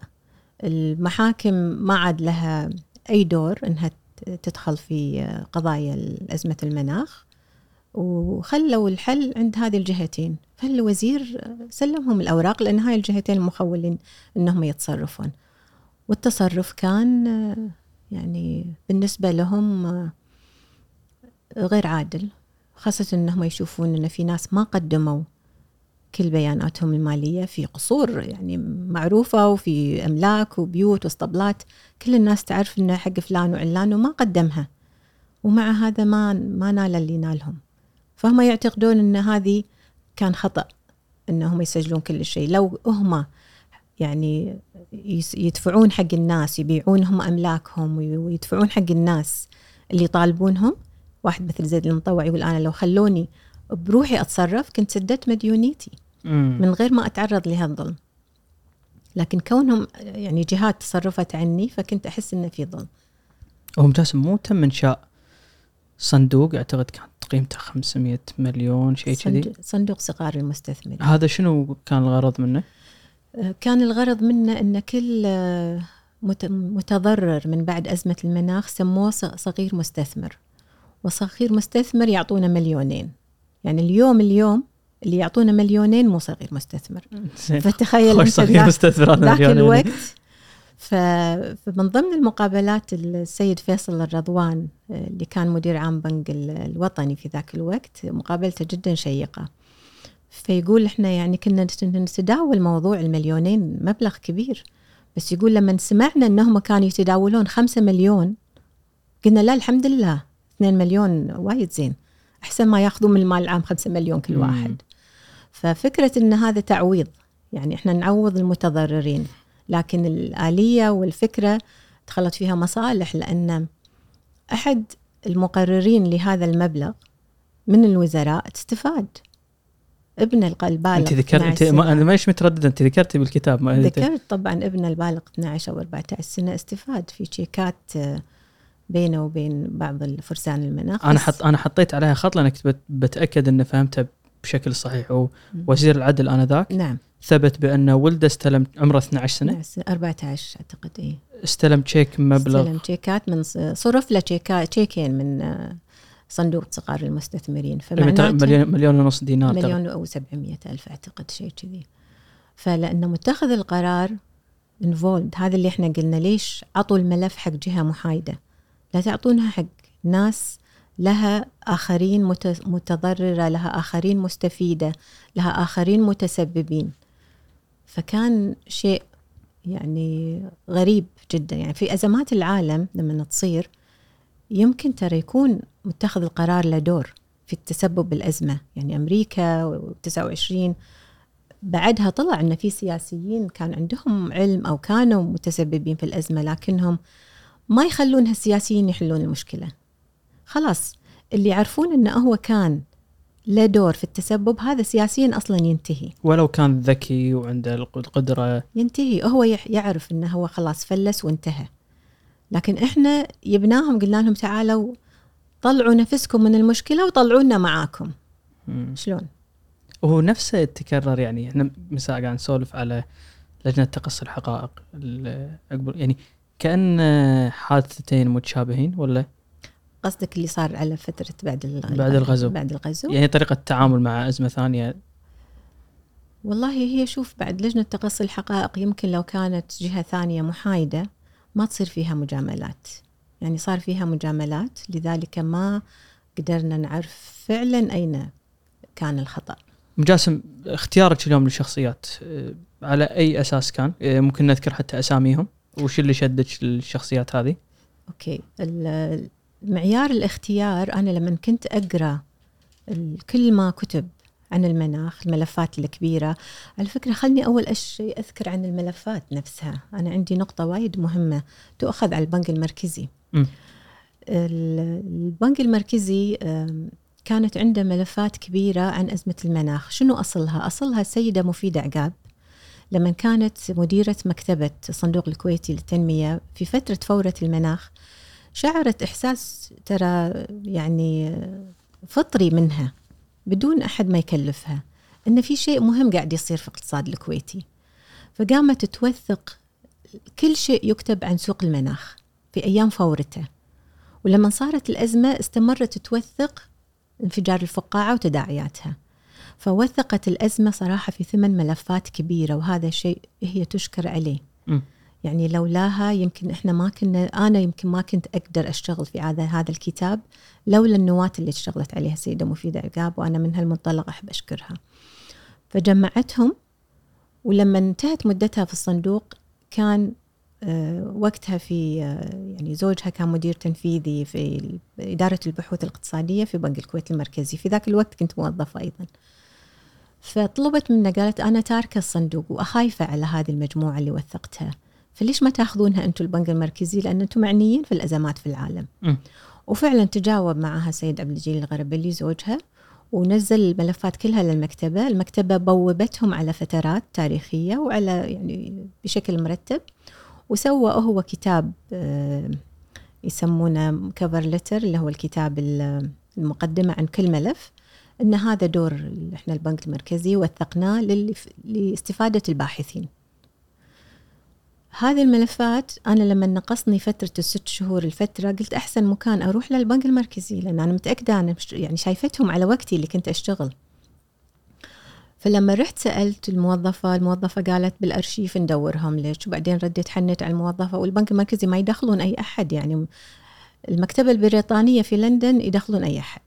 يعطونك هوية ويعطونك رقم وأكاونت وتحط بحسابك شيء إذا بتصور أوراق يخصمون من الحساب. البنك المركزي المكتبة ما يدخلون أي أحد. فاضطريت أنا أتابعهم وألاحقهم في الاتصالات. فالموظفة ما قصرت بنت الحلال أسألك وأسألك وإن شاء الله. وبعدين قالت لي إحنا تخلصنا منهم قبل لا نروح المبنى الجديد. قلت لها شلون تتخلصون من ملفات تتعلق بأزمة؟ يعني أرهقت القطاع المصرفي. تداعياتها راحت أصلا امتدت للقطاع المصرفي. فكانت هذه بالنسبة لي يعني محافظ البنك المركزي السابق وليس الحالي. فيعني أنا أعتقد أعتبره خطأ فادح ما المفروض كمحافظ يعمله. فاضطريت إني أروح جريدة القبس وهي مشكورة يعني مدير التحرير ما قصر وعاونوني وقلت له فكرة الكتاب فأعطوني الفترة اللي كانت ناقصتني. فوأنا أقرأ كنت أشوف أسماء كثيرة. وأقرأ تصريحاتهم فيشدني مثلا تصريحة تشدني آه، كلمة قالها تشدني تجربة معينة. فما كنت أروح حق الأسماء اللي وايد آه، رنانة لأن أنا مو الغرض إني اسوق كتابي الغرض إني أنا أحصل على التوثيق. فزيد المطوع مثلا شدني إنه هو كان عنده بيت آه، شعر للمتنبي. أنا الغني وأموالي المواعيد. ثري. يملك كل الأموال بس فلوسه يحتاج مواعيد عشان يوصل لها لأنها تحت أمرة هيئة التحكيم ومؤسسة التسويات. فشد شدني أن إنسان مثقف وعنده هذه يعني يهتم بالشعر والثقافة قلت أنا هذا لازم أحاول أحصل. قمت أسأل وايد ناس والصدفة جمعتني بزوجة صديقة. ومكتوبة يعني باقي القصة في الكتاب. مشاري الجاسم وايد أنا حرصت مع أنه يعني عذبني. رحت ورجعت ورحت ورجعت ورحت ورجعت بس كان قاعد تروحين ترجعين وين؟ مكان معين؟ يقول لي تعالي الأسبوع الجاي. الأسبوع الجاي أي يكون مريض. مم. يدق عليه بالمكتب يقول وفعلا صوته يبين إنه مريض. تعالي لي الأسبوع اللي وراه. يعني ثلاث أسابيع أنا أروح وأرد وما كنت أتصور إنه هو راح يوافق لأنه هو رفض يشارك بالفيلم. مم. الوحيد وقال لي انت الوحيدة اللي قدرتي علي. انت الوحيدة اللي قدرتي تاخذين مني. ولا أنا كنت رافض أتكلم بالموضوع؟ أنا ما تكلمت الحين إلا معك فشخصية تستحق يعني والله اللي يقول لي بعد شهر تعالي هم. بعد كنت بروح له. عبد العزيز الحمدان لأن أنا أعرفه على المستوى الشخصي يعني من خلال أشخ... صديق عائلة يعني أعرفها. ذكي جدا. من الصعب انه هو يخسر في سوق المناخ ذكي. يعني لما تقول لي ان مثلا فرسان المناخ أغبياء كان أينشتاين غبي. آه، آسفة كان كينز. كينز على فكرة وإسحاق نيوتن كينز أيضا تورط في نفس ال- القصة. في الأسهم نعم. يعني هذول تقدر تقول عنهم أغبياء؟ لا مو أغبياء. آه، صباح الريس كان يملك آه، مكتب آه، هندسي من أنجح الشركات. أيضا راح بس هم في شيء يميزه لأن هم هم الاسامي اللي تنذكر وايد. إي فأنا كنت كنت يعني بشوف ليش شخص مثل المهندس صباح الريس ناجح مهندس ناجح ومبدع في التصميمات وفي مكتبه الهندسي ليش راح نجرف لسوق المناخ؟ عبد الحميد المزيدي من ال- السماسرة رحمه الله. كنت أتمنى أن كتابي يطلع على حياته بس وأنا أشتغل بالكتاب توفاه الله نعم. ربي يرحمه. من الشخصيات أيضا الجميلة يعني كسمسار لأن أنا كنت أبي فارس وكنت أبي سمسار يشتغل مع الفرسان حتى أنت تاخذ صورة متكاملة. فاروق السلطان. من عائلة كبيرة من الجناعات. ومن الفرع ليس مو من الفرع الثري لكن من الفرع المتعلم تعليم أكثر من ممتاز. مم. فاروق كان عنده اهتمام في إنه يدرس كل أزمات العالم. ولما صارت هوس المناخ قبل لا يدخل راح حضر كورسين. وكل المؤشرات تقول له هذا هوس وفقاعة راح تنفجر. ما قدر يقاوم. ومع هذا دخل سوق المناخ. عبد الله قبازرت مثل ما قلت لك مهندس مبدع وهو اللي كان مسوي صالة التزل- التزحلق اللي هدموها مع الأسف الحين. كان شنو دوره؟ آه، تصميم صالة التزلق. ال- الشعارات اللي موجودة على سور آه، قصر آه، قصر السيف هاي تصميمهم مكتبه هو وأخوه جاسم. مم. يعني مصممين ومهندسين. ليش رحتوا المناخ؟ هم حبيت أعرف تجربته. السيد سهيل سليمان السهيلي طبعا كان وايد مهم عندي أشوف شنو صار على الفيلم. اليتيم اللي أنا أسميه فيلم اليتيم. فرحت أخذت منه القصة وذكرها لي. كان لازم أتطرق للفيلم. إنه يعني شنو صار عليه. أحمد الكندري إحنا كنا نسميه أحمد المناخ. لأن أحمد آه، إبراهيم عبد الله محمد الكندري وايد. وايد. ممكن تلقى خمسين اسم. صح. لكن ميزناه بأحمد المناخ. فأنا يعني هذا من الشخصيات اللي زوجي حفزني قال لي لازم تقابلينه ترى. يعني كونه ص- أطلقنا عليه أحمد المناخ فهو لازم يكون من الشخصيات وكان فارس من الفرسان طبعا. زهير السعدون. ما قصر زهير, السعدون أعطاني وثائق وايد مهمة. حسيت أنه هو بعد كان حاب يوثق وكاتبة عنه يعني كشخصية. عبد العزيز تقي طبعا يعني شو أقول لك؟ أنا رحت حق ولد أخوه طقيت عليه الباب بالمحل ماله. وقلت له أنا أبي أقابل عزيز تقي تقدر تساعدني؟ ما ما رضى أول شيء. قال عمي رجل كبير والأزمة صار عليها وقت وفتح ملفاتها راح تجيب لنا مشاكل إحنا في غنى عنها. قلت له عطني فرصة بس أقنعه. وخ- وفتح لي التليفون السبيكر وأقنعني. مم. وأقنعته. محمد الإبراهيم طبعا كان وايد مهم لأنه فارس من الفرسان وحسيته بالفيلم بالمقاطع اللي طلعت إنه هو آه، طريف يعني يحب الفكاهة. فقلت هو يتناسب مع منهج الكتاب لأني أنا كنت أبي يكون طيب. المنهج طريف وخفيف على الأجيال اللي الصغيرة اللي ما عاش ما عايشت الأزمة.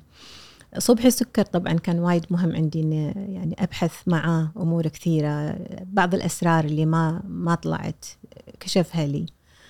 آه، خليفة العنزي أيضا من الشخصيات اللي تداول اسمها لأن خليفة اسمه تداول في مجلس الأمة شلون؟ خالد السلطان تكلم عنه إنه هو من الشخصيات اللي حاول يعمل تسويات في إنه ينظف دفاتر بعض فرسان المناخ الكبار عشان اسمهم ما يروح هيئة التحكيم. مم. فيعني كان من الناس اللي اشتغلوا يعني ضحوا في نفسهم علشان آخرين كبار. فحبيت أشوف تجربته. هم أيضا حاولت سألت عنه. طبعا نجيب المطوع ما يصير إيه، كتاب في جاسم في عن المناخ ما في جاسم ولا نجيب. ليش؟ يعني كانوا من من الأسماء الأولى لما تقرأ الصحف أي خبر يتعلق بالفرسان أول اسمين يجون. صارت الأزمة تشيكات أول اسمين يجون. بس كانوا أثراهم يعني ولا؟ كان أكثرهم نشاط. أكثرهم نشاط. يعني جاسم بالذات كان يتعامل ب- بآجل بطريقة آه، مو طبيعية. شلون يعني تعطينا مثال؟ ولده راح يزعل. جاسم كان عنده عنده الهوس مضاعف في التعامل بالآجل. وكان كل شيء كيشة. يشتري يعني يشتري الآجل ويوديه البنك. البنك يصرف الشيك بنسبة خصم. يعني مثلا أنا اليوم آه، اشتريت من محمد أسهم 10 مليون. حلو. محمد أعطاني تشيك آجل يصرف بعد سنة. أنا أوديه بنكي أقول لهم صرفوا لي إياه الحين مع نسبة خصم. فالبنك ينزل من النسبة ما يصرف لي العشرة مليون يصرف لي نسبة معينة ويستفيد هو من النسبة. فالبنوك طبعا كانت متورطة يعني ما يعف ما تعفى ها. فجاسم كان ياخذ هالشيكة هالمبلغ الكاش ويدخل صفقات ثانية. فسلسلة من الصفقات اللي كان جاسم داخل فيها هي كانت يعني كأنها طوق حوالين كل فارس من فرسان المناخ. لدرجة أن حتى مشاري الجاسم يقول أنا ما كنت أتعامل معاه بس لما صارت الأزمة اكتشفت أن أنا متعامل مع آخرين متعاملين معاه. فهي مثل المسباح. تفرط حبة تفرط المسباح كله. فنجيب عشان كذي حرصت إنه يكون من الشخصيات. جاسم المطوع لأن صحته ما تسعفه. فأخذت شنو هو اللي قالوه عنه اللي قابلتهم وسويت له تشابتر سويت له فصل. فصل خاص فيه. حطيت اللي قالوا عنه أشياء إيجابية وحطيت اللي قالوا عنه أشياء سلبية عشان القارئ بس يعرف وهو اللي بالنهاية يحكم. أنا ما أوجه القارئ. ال- باسل ال- اسطى القسطى نفس الشيء لأن كانت عنده قصص شوية يعني فيها تحس أن الحظ كلش مو حليف لهذا تذكرين الفارس. واحدة منهم؟ والله موجودة فهي في الكتاب بس إنه يعني أقول لك على سبيل المثال بعد ما خسر هو بالمناخ وكل شيء وحاول إنه يبدأ من جديد عاش في دبي. يعني عاف الكويت وراح عاش في دبي وتزوج امرأة روسية وس- وسووا إعادة التجارة هو وزوجته. يستوردون مواد من دول الشيشان وما إلى ذلك الدول هذه الأوروبية ويعيدون تصديرها. فكانت رائجة. يعني يقول بديت أشوف الملايين مرة ثانية. مم. رجعت لي الملايين مرة ثانية. آه، فجأة يحترق المصنع. تحترق مم. كل البضاعة اللي عنده. فيرجع مرة ثانية من الصفر يكون العمر بعد مضى. يعني ما في يبتدي من جديد. فم فم يعني أحس أن الحظ كلش ما كان حليف له. حمود الجبري من الشخصيات اللي أنا أصلا عايشتها في مجلس الأمة. أبو أحمد. آه، ذكي وحبيب وطيب. ويعني شو أقول لك؟ يمكن كل الصفات اللي أنت تتوقعها في البشر موجودة فيه. ولما صارت الأزمة هو الوحيد اللي ما هرب فلوسه برا.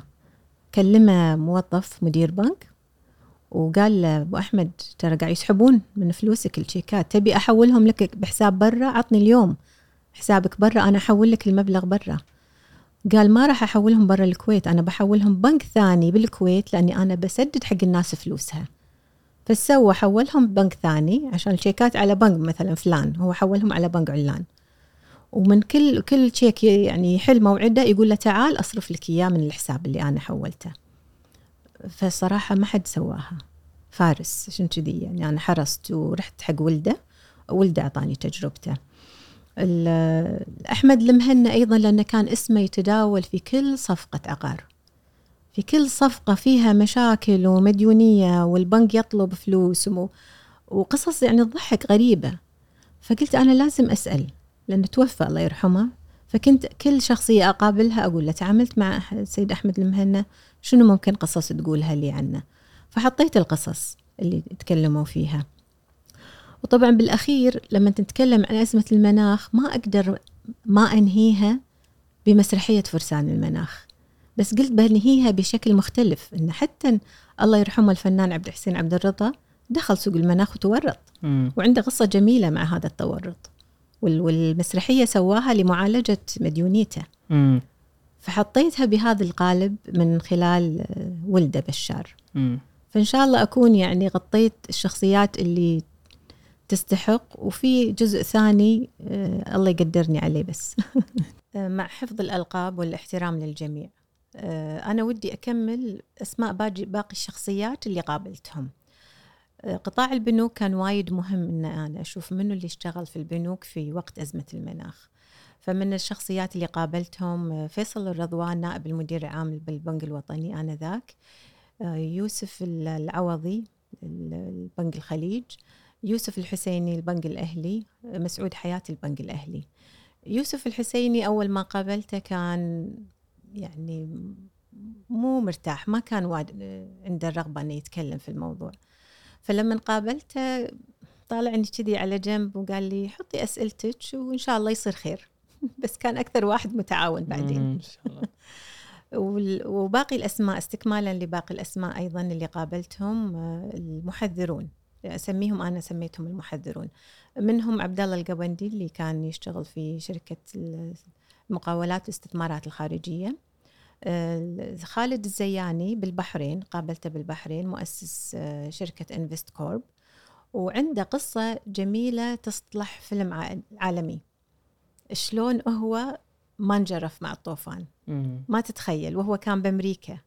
بس القصة تفاصيلها جميلة بالكتاب يعني بس دائما لما أقراها كلها أتخيل قاعدة أشوف فيلم.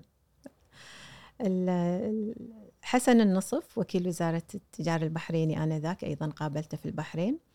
وعبد الله الأيوب هو محامي وكانت عنده وجهة نظر هو كان محامي عن بعض الفرسان وكانت عنده وجهة نظر إن هيئة التحكيم غير دستورية. وهذا الرأي أيضا كان يتبناه النائب رحمة الله عليه النائب مشاري العصيمي. لأنهم كانوا يبون يكلفونه بأن يكون في هيئة التحكيم لكنه رفض. قال شلون تشيك بخمسين دينار صاحبه يدخل السجن؟ وتشيكات جاسم المطوع اللي بالملايين توقف ما ما ينفذ عليها الحكم. هذه هيئة غير دستورية. وكان يفضل اللجوء للقضاء طبعا. اختيار الشخصيات يمكن محمد تسألني على أي أساس اخترتي الشخصيات؟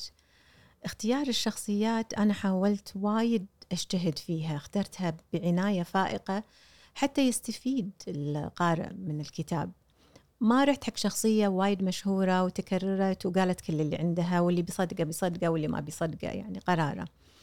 ولا رحت حق شخصيات بتتعبني يعني بيكون تفريغ شريط مقابلتها يمكن عشر ساعات وكله كذب وكله أنا سويت وأنا قلت حق الحكومة وإحنا اقترحنا عليهم كذا. ويسوي نفسه يعني عالم. فما رحت حق ش- الشخصيات المعروف عنها ولا الشخصيات اللي تبالغ ولا اللي متحفظة اللي ما راح تقول لي شيء في. النهاية تضيع وقت. فكنت دائما حريصة في إني أنتقي أنتقي شخصياتي صراحة ب آه، يعني بتروي. ال- الجزء الأخير من الكتاب مثل ما ذكرت عن آه، مسرحية آه، فرسان المناخ. سألتني يمكن سألتني منو شخصية أبو حظين. يتداول هذا الاسم وايد وحتى لما أقابلهم كانوا وايد يقولوا لي أحمد المنا أحمد الكندري. هو يقول إن في ناس تعتقد إن أبو حظين أنا قصد في الله يرحمه عبد الحسين عبد الرضا وأنا المقصود لأن كانت عندي آه، علاقة قوية وتقرب من قطب من أبناء الأسرة وكان يعني معطيني صلاحيات كثيرة. آه، في آخرين يقولون صبحي سكر لأنه هو كان أيضا يعني عاش حياته بشكل طبيعي تأذى فترة وانسجن و... وتم اتهام اتهامه لكن في النهاية طلع بكل ثروته ومستمتع في حياته يعني ما تضرر مثل الفرسان الآخرين. وهناك من يقول أن أبو حظين مسؤول حكومي كان في ذاك الوقت. أنا برأيي يمكن رأيي ما يكون صائب بس نتيجة بالبحث وال- والمقابلات أنا أعتقد أن حسين عبد الحسين عبد الرضا الله يرحمه حاول ياخذ من كل شخصية جزء. يعني هو جمع بين هذه الشخصيات كلها ومثل ومثل فيها يعني شخصية أبو حظين. أنا ام جاسم وايد شدتني شخصية آه، صبحي سكر. آه، شنو أهمية هذا الشخص؟ ودي أعرف رأيك فيه عقب ما حصلت لك فرصة أنت قاعدين معاه والله هو السيد صبحي سكر طبعا من النوع اللي منفتح يتكلم بكل حرية. وهو كانت عنده تجربة في بدايات يعني جيته الكويت انفتحت له فرص جيدة. اشتغل مع ناس متنفذين من أبناء الأسرة لهم ثروة يعني كبيرة مثل الله يرحمه الشيخ خليفة العبد الله وكانت له يعني علاقة طيبة مع الشيخ عبد خليفة بدرجة أن الشيخ خليفة تمنع على كل شيء فحط الثقة العمياء في السيد صبحي السكر. فكان السيد صبحي هو يجيب له صفقات وهو يدخل في عملية المبايعات يشتري له عقار يشتري له أسهم يعني هو كان الدينامو اللي يتحل يتحرك بسهولة مم. أكثر. يعني الشيخ خليفة ما كانت يعني ما كان شخصية اقتصادية ولا مالية. آه، شخص طيب ومحترم ويملك ثروة. فالسيد صبحي هو اللي ساعده على نماء هاي الثروة. كانت فرصة يعني من صالح السيد صبحي. فلما رحت قابلته فرحت إنه هو يعني وافق على المقابلة مع أني توقعت أنه يتحفظ لأني أنا قرأت اللي انكتب عنه بالصحف أشياء كثيرة وحطيتها طبعا يعني حتى القارئ يكون عارف. ومع ذلك لا كان عنده استعداد أنه يتكلم وكلامه كان أكثر دفاع عن نفسه. لأنه هو اتهم بشكل كبير يعني من مجلس الأمة ومن الصحافة في أنه ما كان يعني أمين في إدارة ثروة آه، الشيخ خليفة العبد الله اتهم اتهامات كثيرة من هيئة التحكيم. آه، دخل دخل السجن آه، صبحي سكر يعني. فمن من وجهة نظر إنه هو تبهذل وايد وإنه هو ما يستحق البهذلة. لكن اللي صار انكتب في الكتاب م. للتوثيق. مو لأني أنا يعني أصدقه ولا معنى هذا أني أنا ما أصدقه.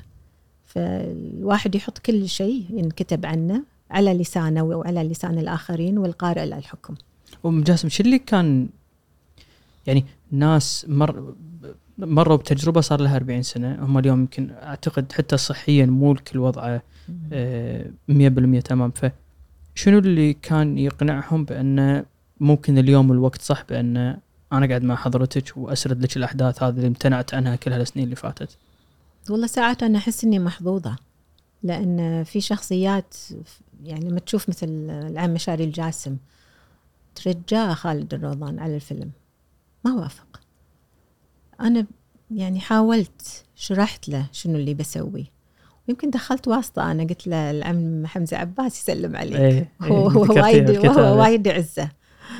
ف... لأنه كان رافض أول شيء حتى كان رافض يتكلم. كان رافض لأنه هو يشعر أنه هو انظلم. وهذا الشعور موجود بين معهم كلهم. يعني هذه هذه هذا الشيء مثل ما قلت لك هم يعتقدون انهم أكباش فداء لأن المعاملة ما كانت بالمثل. لكنهم يعترفون انهم دخولهم بهذه المغامرات كان خطأ كلهم بدون استثناء. ومجاسم بس أنا أحب الجانب النفسي وايد. يعني اليوم لما أنت تكون عندك الفرصة بأن أنت تقعدين مع مجموعة من الشخصيات يوم من الأيام كانوا من أثرياء المنطقة على الأقل. يعني ما ابي أقول العالم ما أدري كم بس على الأقل أثرياء المنطقة. واليوم البعض منهم يعني من اللي يذكرون يعتمدون على معاش. نفسيا هذا شو تسوي بالشخص كونك أنت شفتي أكثر من نموذج؟ صراحة يكسرون الخاطر. يعني مو تعاطفا معاهم هم أخطأوا. وحق وال... وال... ما طبق عليهم مستحق. لكن لما يقول لي واحد منهم مثلا أنا تمنيت هالأموال اللي خسرتها أسوي مشروع حق أحد أبنائي. مشروع يعني مستشفى مشروع شيء يسوى يعني. وهو الحين ما يقدر يعمل هذا الشيء كان وقتها يلعب بالملايين. فتحس إن هذا يعني درس درس. زيد المطوع يقول لي يعني أنا لو ترجع فيني الدنيا ما أترك بيت الزين ابدا. اللي هو كان ذكريني كان مصنع أو محل. مصنع محل أثاث يجيبه من ميلانو ومطابخ و... وهالشيء أصلا للحين إحنا نحتاجه. كان للحين مصنعه ومحلاته موجودة. ففي ناس يعني حتى تصدق عزيز تقي يعني يمكن مو تعاطفا معاه بس إنه هو قاعد في الغربة ومو قادر يرد يرجع بلده وعايش هناك بروحه. يمكن هو سعيد أنا ما أدري بس لما شفت حالته أنا وزوجي لا. مو هاي الحال مو هذا الوضع اللي الواحد يتمنى إنه ينهي حياته عليها. وفي من تجاوز هذه المرحلة وبالنسبة له الصفحه وانطوت. أحمد الكندري أحمد المناخ لحن يضحك. للحين مستعد يضحك ويقول لك مواقف تموت من الضحك؟ ما قدرت اذكرها إيش كثر ضحكتي مجاسم انت باللقاءات هذه؟ يعني أحس من الصدمة لضحك يعني كمية قصص إحنا سمعنا جزء منها. يعني ما تصدق. أحمد المناخ يعني يمكن وايد آه، تأثر لأن قلت لك هو كان يملك إيش كثر يعني. للحين يبتسم. عنده قدرة للحين يبتسم لك. ما عنده مشكلة مو حزين مو مو مكسور. مو محسور يعني. الآخرين ممكن تشوف فيهم هاي نبرة الحسرة ولا الحياة. لا أحمد أحمد الكندري آه، ما شاء الله عليه الله يعطينا يعني آه، قوة تحمله. وجاسم أنت اللي وصلتي له. يعني أكيد المسؤولية تجزأ بس الحمل الأكبر يقع على منو؟ يعني الحكومة الفرسان نفسهم الناس البسطاء اللي دشوا. شوف الحكومة بالدرجة الأولى أصلا ما كان ممكن يصيرون فرسان لو حكومة صارمة. لو حكومة طبقت القانون من أول يوم.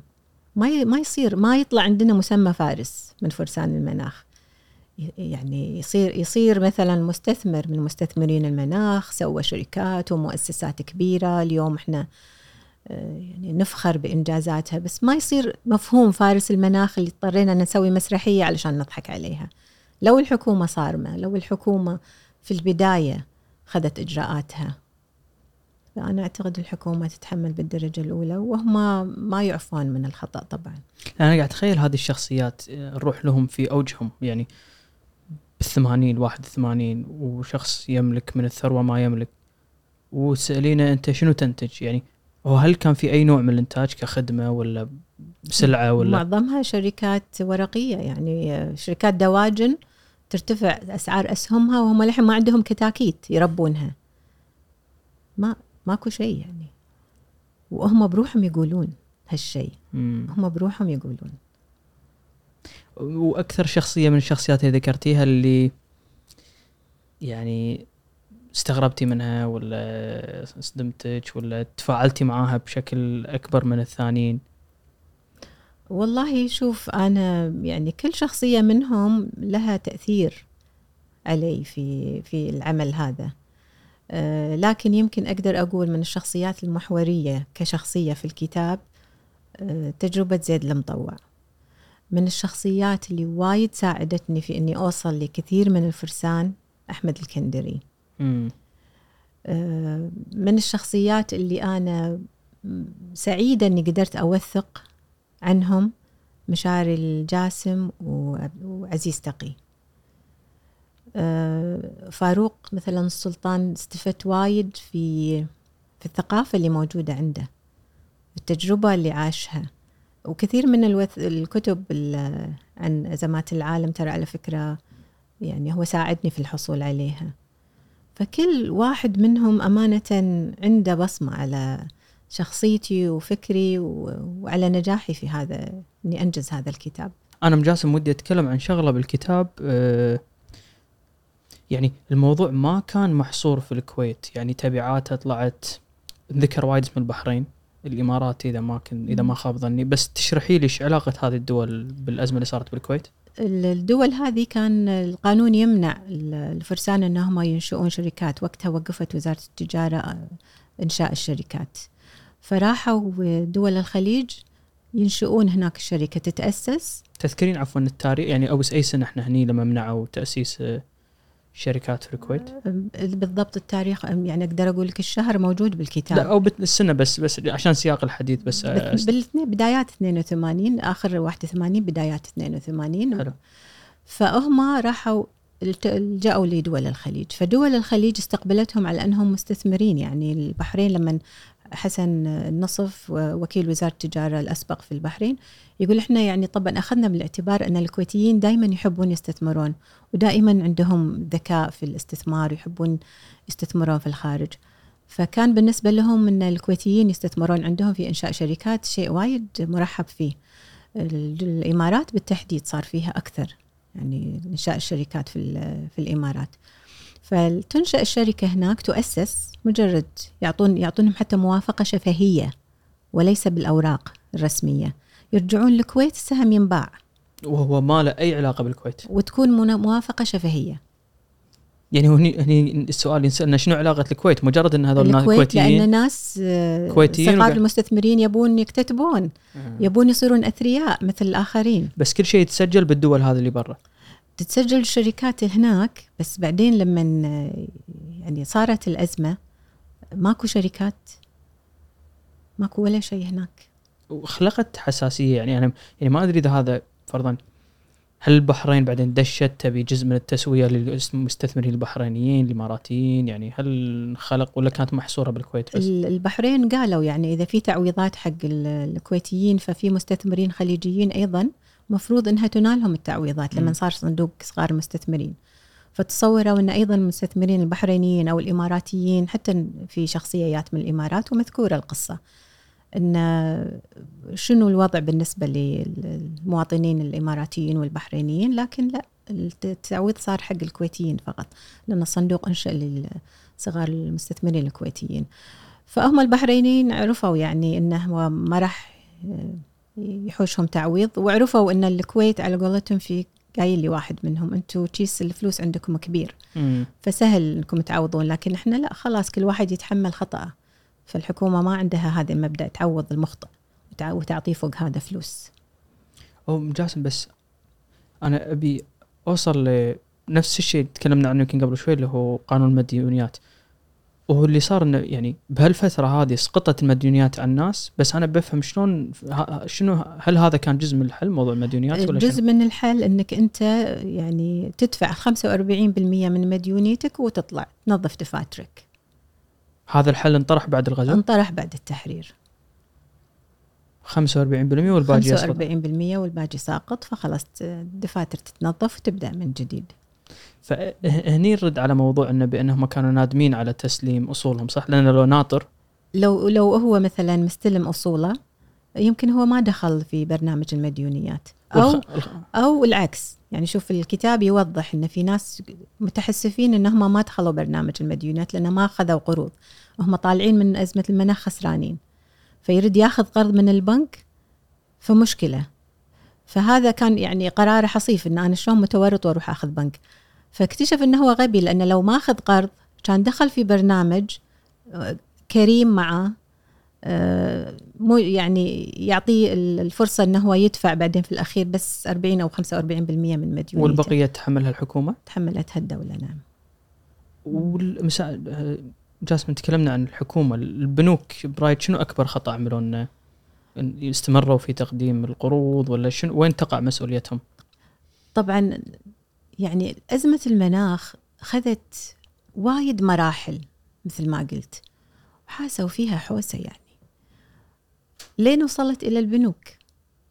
يعني اللي يقرأ الصحف أنا حاطة في الجزء الخاص بالصحافة إن في ناس كانت تحذر من الأول إن في شيكات بالاجل لدى البنوك والبنوك كانت تخصم الشيكات شلون هذه الأزمة ما تنتقل إلى المصارف؟ لا كانوا كل الحكوميين والمسؤولين والمتنفذين بالدولة يأكدون أن البنوك آمنة ما عليها أي مشاكل. انتقلت البنوك إلى المصارف لسبب إن كان العالم لما يحل المشكلة يحاول يحل مشكلة البنك نفسه أو القطاع المصرفي. إحنا أزمة المناخ لما انتقلت إلى البنوك كنا نفكر نحل مشاكل أفراد. ما فكرنا هذا البنك شلون نحل مشكلته. فأنقذنا أفراد. وكانت البداية تطمينات البنوك سليمة وما فيها أي مشكلة. ولما بدأت تظهر التداعيات أزمة المناخ على البنوك متى ظهرت؟ في 86 إحنا في 82 أزمة المناخ بعدها بأربع سنين. أوف. بدأت البنوك تواجه مشكلة في توزيع الأرباح. وهني يعني حذرت منها الصحف العالمية. أول شيء كتبت الصحف العالمية بعدين م. يعني شوف على الإنكار. الإنكار حتى في إنها المصارف ما تأثرت تأثرت. في 86 وحتى لما انحلت المشكلة طلعت قانون المديونات الصعبة كان الهدف إنقاذ أفراد دون ربطه بسداد مديونيات المصار المصارف البنوك. وهذا مذكور في الجزء اللي هو جزء بنك المقاولين والمناخ. م. وفوق هذا كان في مقترحات من مستثمرين. فأحد المستثمرين مثلا لما راح الشيخ سعد الله يرحمه زار سوق المناخ كان مقترح عليه أن وزارة المالية تنشأ وحدة خاصة فيها تعطي الناس قروض للتعامل بالأجل بسوق الأوراق المالية بالأجل. م. تخيل لو هذا المقترح كان تم تبنيه ترى ما فهمتم جاسم. هو راح؟ قال حق الشيخ سعد. إن سووا إدارة انشئوا دور إدارة خاصة.